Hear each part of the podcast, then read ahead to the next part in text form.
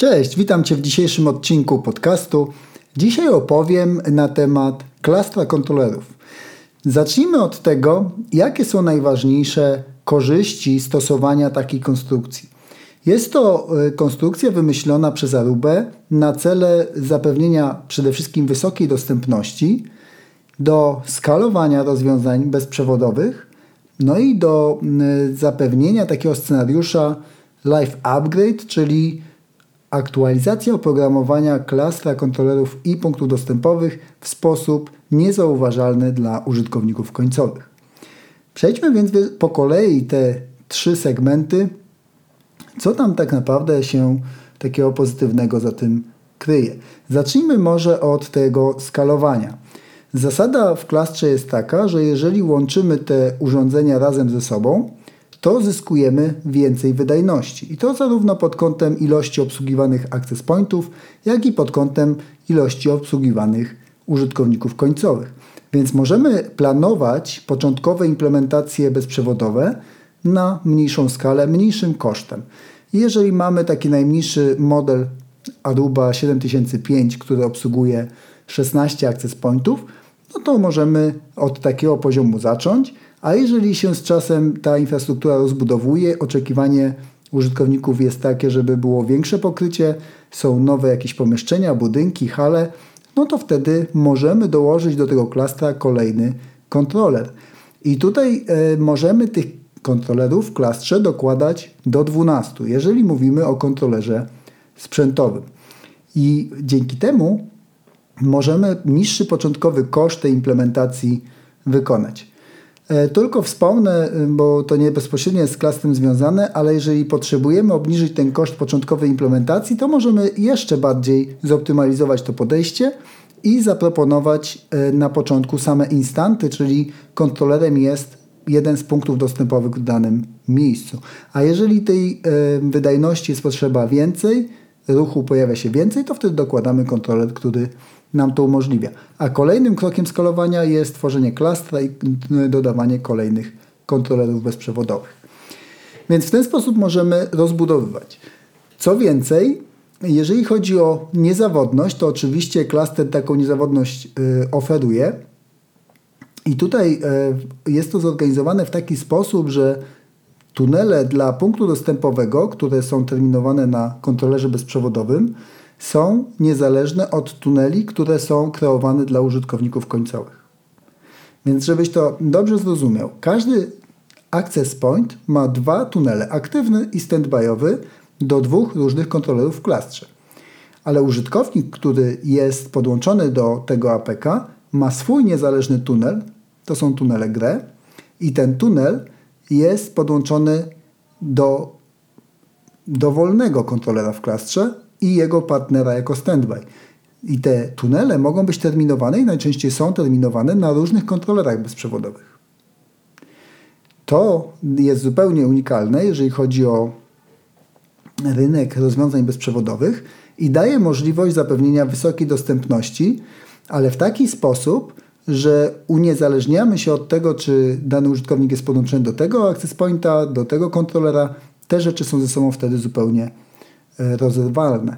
Czyli e, mamy możliwość zaterminowania różnych typów urządzeń w różny sposób. Co więcej, jak mamy ten tunel użytkownika, e, ten podstawowy, to przez ten tunel idą jakieś sesje, czyli zapamiętywane są jakieś sesje dla połączeń, które są realizowane i z tych wszystkich połączeń wybierane są typy połączeń, które są związane z aplikacjami krytycznymi, typu e, voice, video, e, takie sesje, które są wrażliwe na renegocjacje. Bo cel jest taki, żeby te kluczowe sesje skopiować na kontroler zapasowy w danym klastrze i w przypadku awarii tego kontrolera podstawowego cały ruch jest od razu przekierowany na tunel zapasowy dla użytkownika, Sesje są replikowane na bieżąco, w związku z tym odczuwalność zmiany tego kontrolera i przełączenia przez użytkownika końcowego jest minimalna. Tutaj e, obserwowaliśmy w testach takie czasy rzędu 50 milisekund, co oznacza, że w rozmowie, czy wideo, czy głosowej praktycznie jest to niezauważalne. Jest to również wykorzystywane w tym trzecim scenariuszu, jeżeli chodzi o pozytywne aspekty, czyli life upgrade. Do tego za chwilę też przejdę. Ale wróćmy jeszcze na chwilę do tej niezawodności.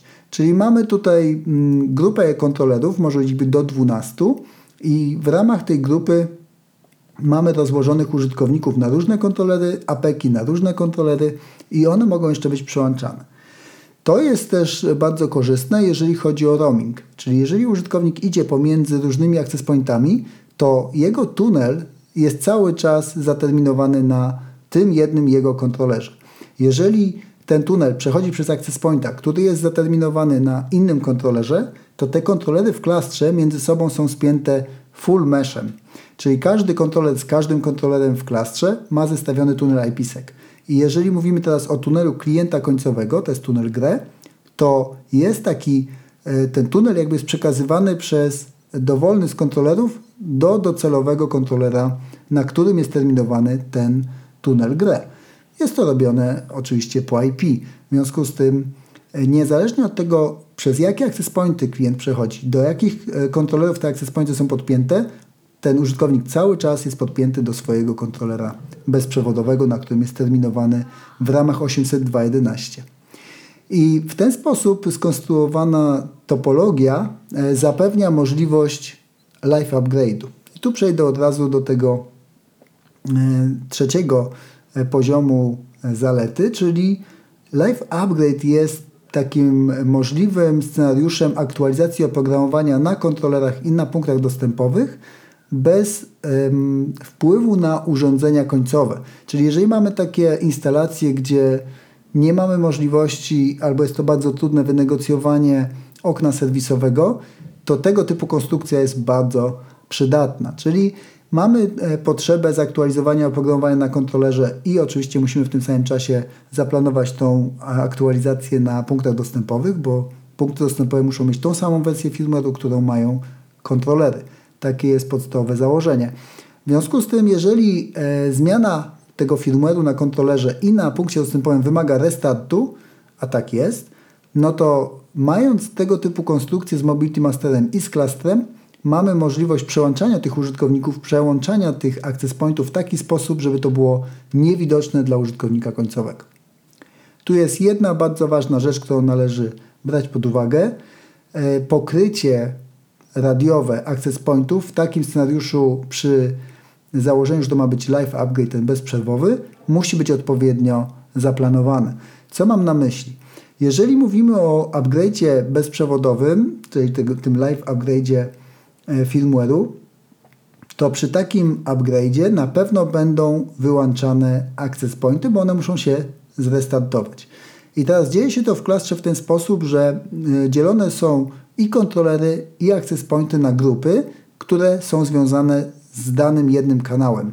Czyli tworzymy po prostu wiele grup, w jednej grupie wszystkie access pointy działają na jednym kanale. Założenie jest takie, że pokrycie radiowe dla tej instalacji jest tak zaplanowane, że utrata jednego kanału we wszystkich access pointach nie spowoduje utraty pokrycia w miejscach, gdzie chcemy mieć to pokrycie Wi-Fi.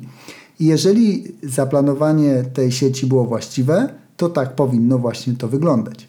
Ale teraz wyobraź sobie, że e, masz jakieś miejsca mniej krytyczne, gdzie masz jeden access point, który pokrywa dany obszar, a tak jest często.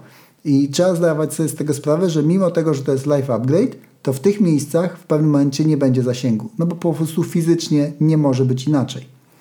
W związku z tym, jeżeli chcesz mieć w całym obszarze pokrycia możliwość realizowania tych upgrade'ów bezprzewodowych, to na etapie planowania trzeba wziąć to pod uwagę. Potem już nie da się tego jakoś łatwo zmienić. Więc e, ten proces wygląda w ten sposób aktualizacji, że jak mamy pogrupowane te access pointy i pogrupowane kontrolery, to aktualizacja oprogramowania e, jest przeprowadzona w krokach, czyli najpierw nowy firmware jest ładowany zarówno na access pointy wszystkie, jak i na wszystkie kontrolery. Następnie jest restartowany dany kontroler i jego punkty dostępowe, jeżeli są w tym samym firmware'ze co ten standbyowy kontroler, no to one się przełączą i tam będą oferować usługę. I to będzie działać. Natomiast jak ten podstawowy kontroler, do którego były przypisane, zrestartuje się, wtedy e, wszystkie access pointy, które były do niego jako podstawowego przypisane, się zrestartują. Czyli w tym momencie one muszą się zrestartować, żeby wstać z nowym oprogramowaniem. Jest ograniczeniem klastra to, że wszystkie kontrolery w danym klastrze muszą mieć jeden firmware. Czyli jeżeli mówimy o tym pierwszym kroku, restarcie pierwszego kontrolera, to on po wstaniu i po podłączeniu access pointów, on stworzy nowy klaster. Czyli mamy w tym momencie dwa niezależne klastry. Jeden klaster z nowym oprogramowaniem i drugi klaster ze starszym oprogramowaniem.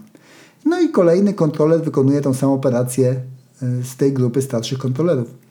I tam oprogramowanie zostanie zaktualizowane po restarcie kontrolera, po podłączeniu ponownym access pointów i on zostanie dołączony do tego nowego klastra. I tak do e, końca, aż się wszystkie e, kontrolery w danym klastrze zaktualizują.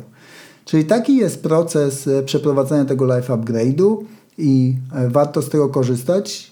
Jeżeli mamy już Mobility Mastera albo planujemy go, to klaster jest opcją, nie jest konieczny do wykorzystania, natomiast zachęcam wszystkich do tego, żeby E, z takiej opcji korzystali, bo daje to dużo funkcjonalności. Co jeszcze e, należy mieć na uwadze, jeżeli chodzi o ograniczenia klastra? Bo o zaletach już powiedziałem, teraz ograniczenia. Jeżeli mamy klaster kontrolerów, to już wspomniałem o tym, muszą być wszystkie wersje oprogramowania kontrolerów, które są w ramach klastra, muszą być jednakowe.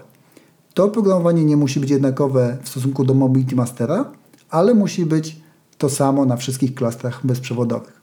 Kolejnym ograniczeniem jest to, że jeżeli stosujemy klaster do połączeń e, typu RAP, czyli access pointy zdalnie się łączą do kontrolera przez IPsec, to wtedy możemy takich kontrolerów w, w tym klastrze umieścić tylko cztery.